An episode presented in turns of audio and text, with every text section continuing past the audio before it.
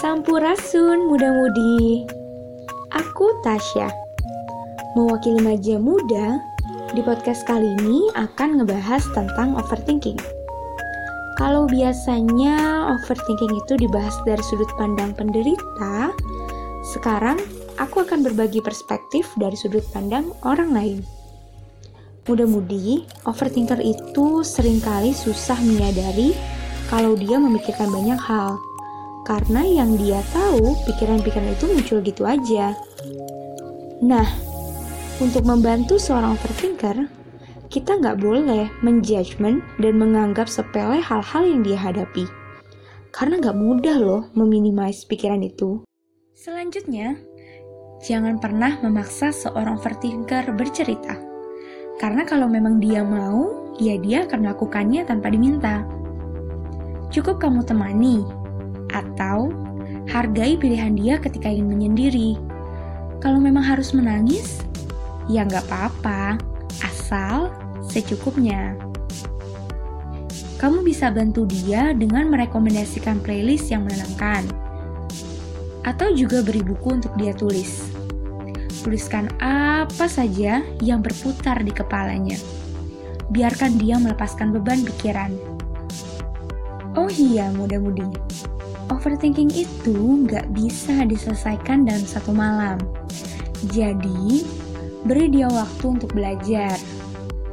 Jangan bandingkan dia dengan orang lain, sekalipun tujuan kamu untuk menyemangati. Karena kemampuan setiap orang berbeda, dan hidup bukan menyoal perlombaan. Tapi kalau kamu nggak mampu untuk membantunya, berhenti biarkan ahli yang menangani. Kamu jangan merasa bertanggung jawab atas orang lain. Be free. Kalau gitu, gimana dong ya cara menghadapi seorang overthinker? Sini-sini, Tasya kasih tahu. Sebagai langkah paling dasar, pahami bahwa di dunia ini kamu gak hidup sendirian.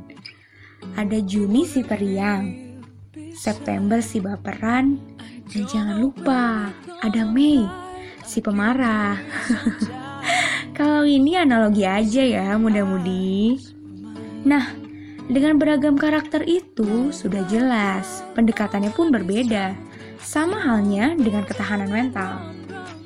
Maksudnya, tugas kuliah yang numpuk bukan jadi masalah buat Juni.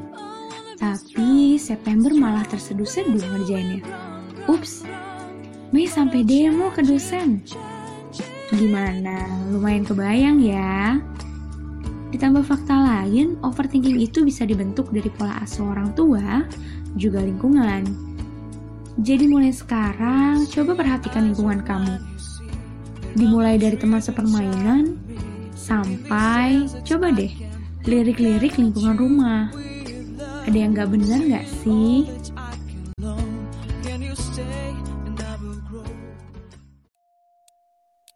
Sebenarnya banyak banget faktor-faktor lain penyebab overthinking. Cara menghadapinya juga beragam.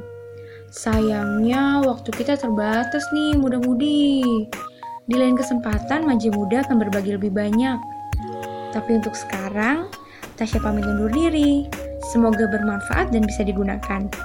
Sampai ketemu di podcast selanjutnya. Hatur nuhun.